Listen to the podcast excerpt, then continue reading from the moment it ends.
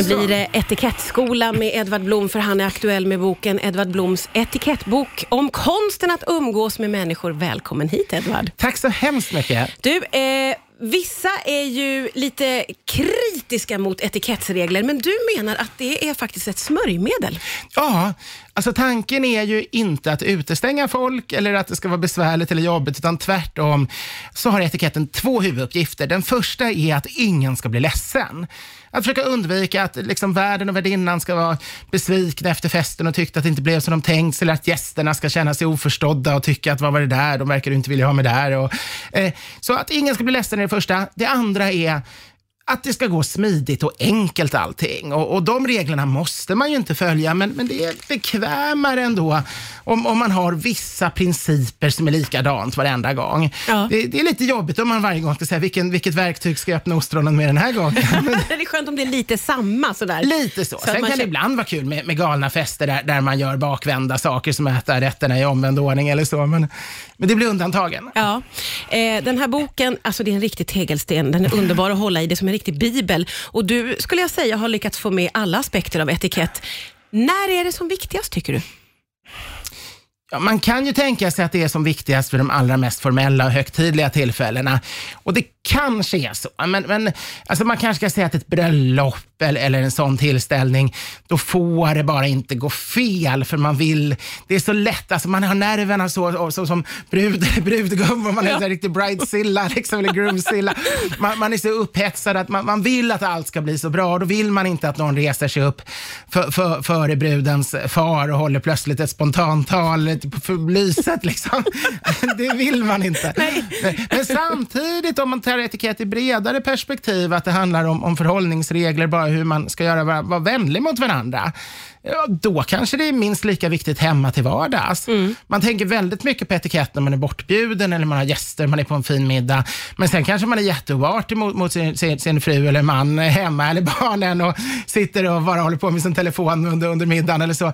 Och, och där behövs ju också en annan typ av etikett, inte alls så formell, men, men regler som ändå gör att man tänker efter, hur ska vi kunna få det trevligt tillsammans? Var uppstod din relation till etikett? Min syster skaffat sig en etikettbok någon gång när hon skulle ha någon, om det var en vårbal i katolska ungdomsföreningen eller om det var en gymnasiebal, lite osäker. Men, och hon är fyra år äldre än jag, eller tre och ett halvt, så jag var väl sådär, vad kan jag ha varit? Om hon var 16 var jag 12 eller något. Och, hon köpte en gammal etikettbok, eller fick, och den var tryckt på 60-talet men hade inte justerats om sedan den skrevs på 30-talet första gången. Och, och det, när jag läste den, eller hon läste högt, jag tyckte det var så roligt för det var, det var liksom en svunnen värld där man åkte droska hem till, till damen man skulle bjuda ut på, på tedans och sådana där saker. Det var, det var så högtidligt och överdrivet och frågan är om man ens någonsin har gjort fullt så mycket. Det kändes som det lite grann var en drömvärld redan på 30-talet. 90-talet, eh, man under depressionen och alkoholregleringens tid eh, hoppades att det skulle kunna vara när det var som allra bäst. Men det där tyckte jag var roligt. Och sen fick jag och en kamrat, Martin, som jag tillägnat boken, som mm. tyvärr gick bort förra året. Eh, vi var väldigt roade av etikett och vi började redan sådär i alla fall 13-14 diskutera mycket etikettsfrågor. Och det fortsatte vi med hela livet. Det kanske eh, minskade när han fick barn och sådär och kanske lite djupare andliga intressen och så, men vi släppte det aldrig helt. Nej. Men vår höjd var kanske de här student, gymnasieår, sista gymnasieåren och de tidiga studentåren. Då var vi oerhört roade av små larviga detaljer och sånt som man kunde just märka ut sig som, ja, jag skulle ju aldrig skära potatis med kniv, jag delar den ju med gaffeln. Och under tiden ligger kniven och vilar högst upp på tallriken och sen tar jag tillbaks. Det är saker som ingen bryr sig om och ingen reagerar på. Och det har jag väl släppt idag, alltså de där överdrivna reglerna. Men det är kul att känna till dem. Det är kul att känna till dem. Lite roligt. Jag är fortfarande lite så här i öp, liksom överintresserad Ja, eh, roligt, etikett. underbart. Det är rätt person som har skrivit boken. Vi ska fortsätta prata etikett alldeles strax här på Rix FM. Riks FM. Det är Edvard Blom som gästar idag. Aktuell med en stor underbar etikettbok. Och, eh, ett problemområde för väldigt, väldigt många tror jag Edvard, det är ju eh, hur man ska bete sig när man blir bortbjuden. Det är då vi plötsligt kommer på, kan jag eller kan jag inte? Vad är viktigt att tänka på eh, när man är gäst, tycker du? Det viktigaste som gäst är att man ska tänka på att man inte är regissör Okej. eller manusförfattare. Nej. Utan det, det är värdparet som, som bestämt hur kvällen ska vara, som har idéerna, som, som liksom styr manus och, och hela.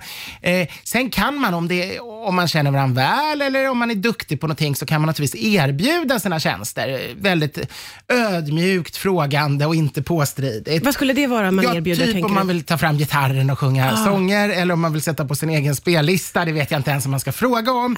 Eh, eller om man vill göra en frågesport, eller om man är väldigt duktig på någonting och vill göra en liten konsert, spela någonting vid pianot. Alltså, Många sådana saker kan vara jättetrevliga, men, men det blir väldigt fel om värdparet har bestämt någonting annat. Ja, ja. Och Det som aldrig riktigt är bra, det är just det där slå på tvn, sätta på spellistan, Ja, säga det. att nu, nu går vi på disco istället.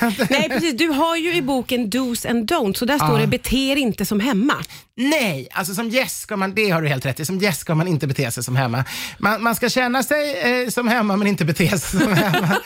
alltså det, det gäller ju mycket, man ska ju inte gå och ta ett, något fel som jag tror alla har gjort. Det, det, är att man blir törstig på en fest och så går man och bara öppnar ett skåp och tar ett glas. Mm.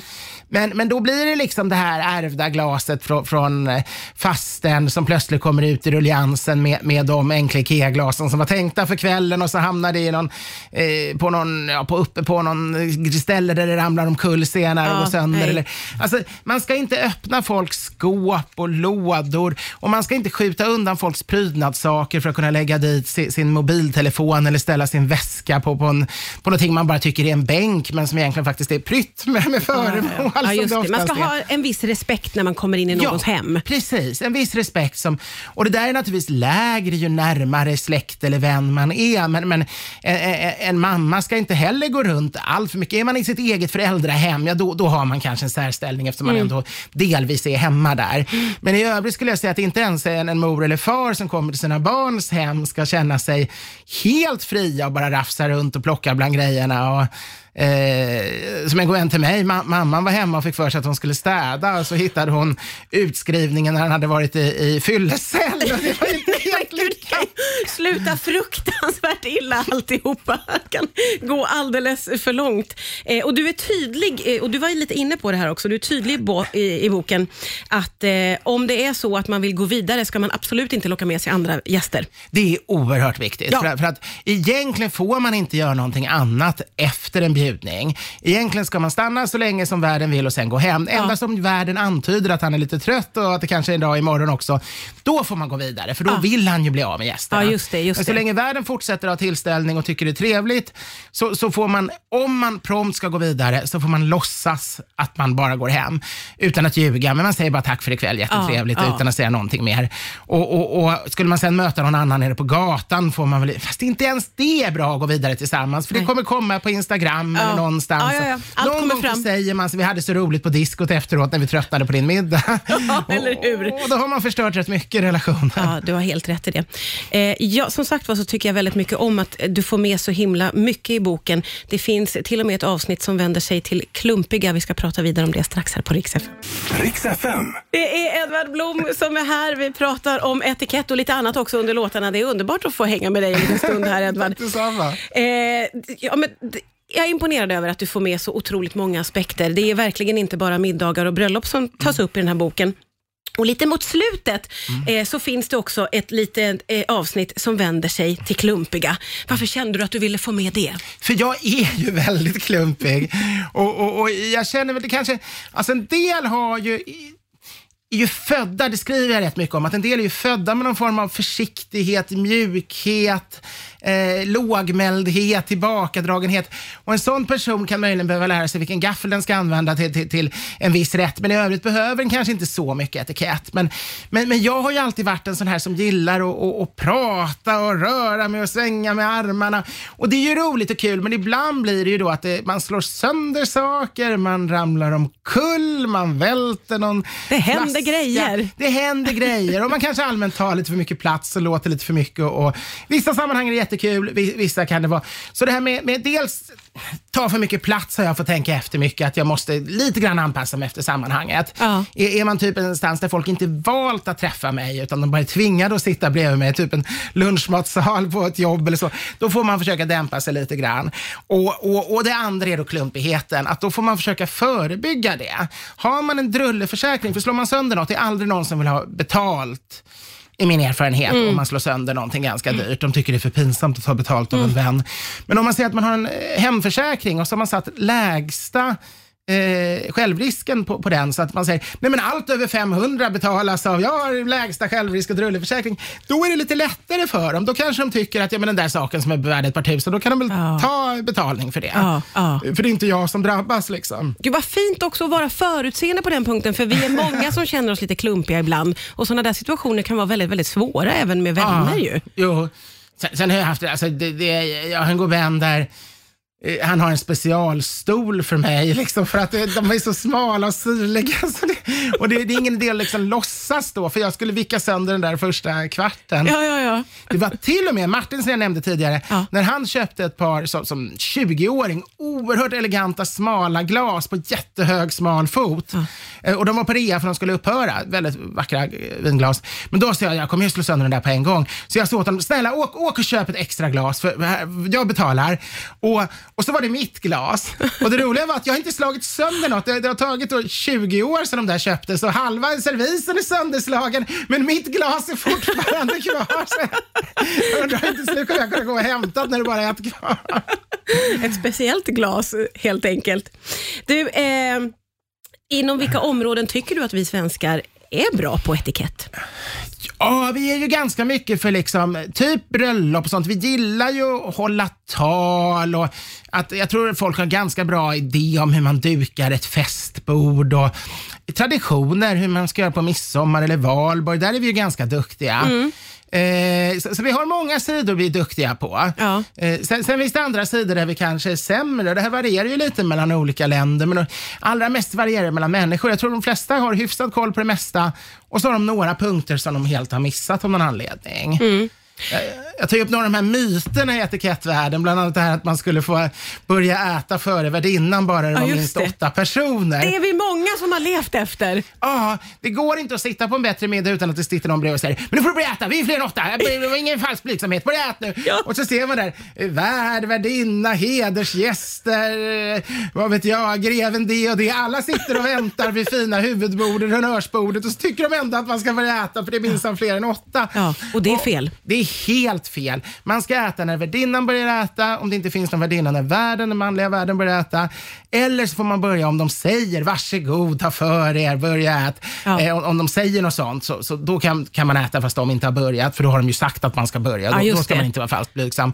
Men, men nej, eh, så länge de väljer att inte äta, varför skulle då gästerna längst ner på bordsändan börja äta? Det, det, Du är egentligen ganska rätt. logiskt. Ja, nu när jag hör dig säga det så har du faktiskt helt rätt. Det enda som stämmer är ju att värdinnan bör inte börja äta innan alla har fått, om det bara är en 7, 8, 9, 10 personer. Där stämmer det ju. Okej, okej. Att hon, hon kan rätta sig efter någon sån princip. Jag Ja, tror det är ja, ja, därifrån ja. det har kommit. Ja, det är lite tvärtom ju egentligen. Ja, att, att om värdinnan vill, om det är sufflé och, och 50 gäster så kan hon välja att när alla vid hennes bords ända har fått så, så börjar hon äta så att inte maten ska förstöras. Ja, ja, ja. Och så får de andra, det är lite tråkigt för de andra kanske knappt hinner få maten innan den dukas av igen. Så det var på gamla kungens tid. Man brukar säga att han åt några tuggor och sen de sista fick aldrig någon mat. Det finns mycket att ta i beaktning, men jag måste säga att eh, är man intresserad av att eh, kunna konsten att umgås med människor, då ska man bläddra i din bok. Den är väldigt fin och väldigt inkluderande. Tack snälla Edvard Blom för att du kom hit idag. Tack så hemskt mycket, det var jätteroligt.